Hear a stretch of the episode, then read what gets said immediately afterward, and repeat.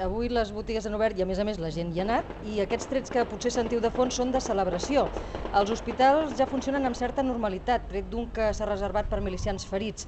El 60% del personal hospitalari ha tornat a la feina. Ara tenen prou recursos per funcionar durant 3 o 4 setmanes, encara que tenen mancances. Per exemple, els falta sobretot oxigen, però confien que en 24 hores això estarà arreglat.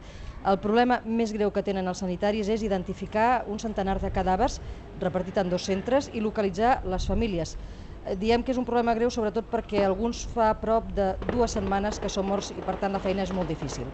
S'ha començat a distribuir també aigua potable entre la població i una altra bona notícia és l'alliberament de l'escriptor nord-americà Matthew Van Dyke que va ser detingut fa sis mesos quan rodava un documental al nord de Líbia. Ningú no sabia que jo era viu i Gaddafi deia que no em tenien detingut fins fa només unes setmanes. Si hagués hagut de seguir sis mesos més en aquesta situació d'aïllament total, hauria estat capaç de qualsevol cosa.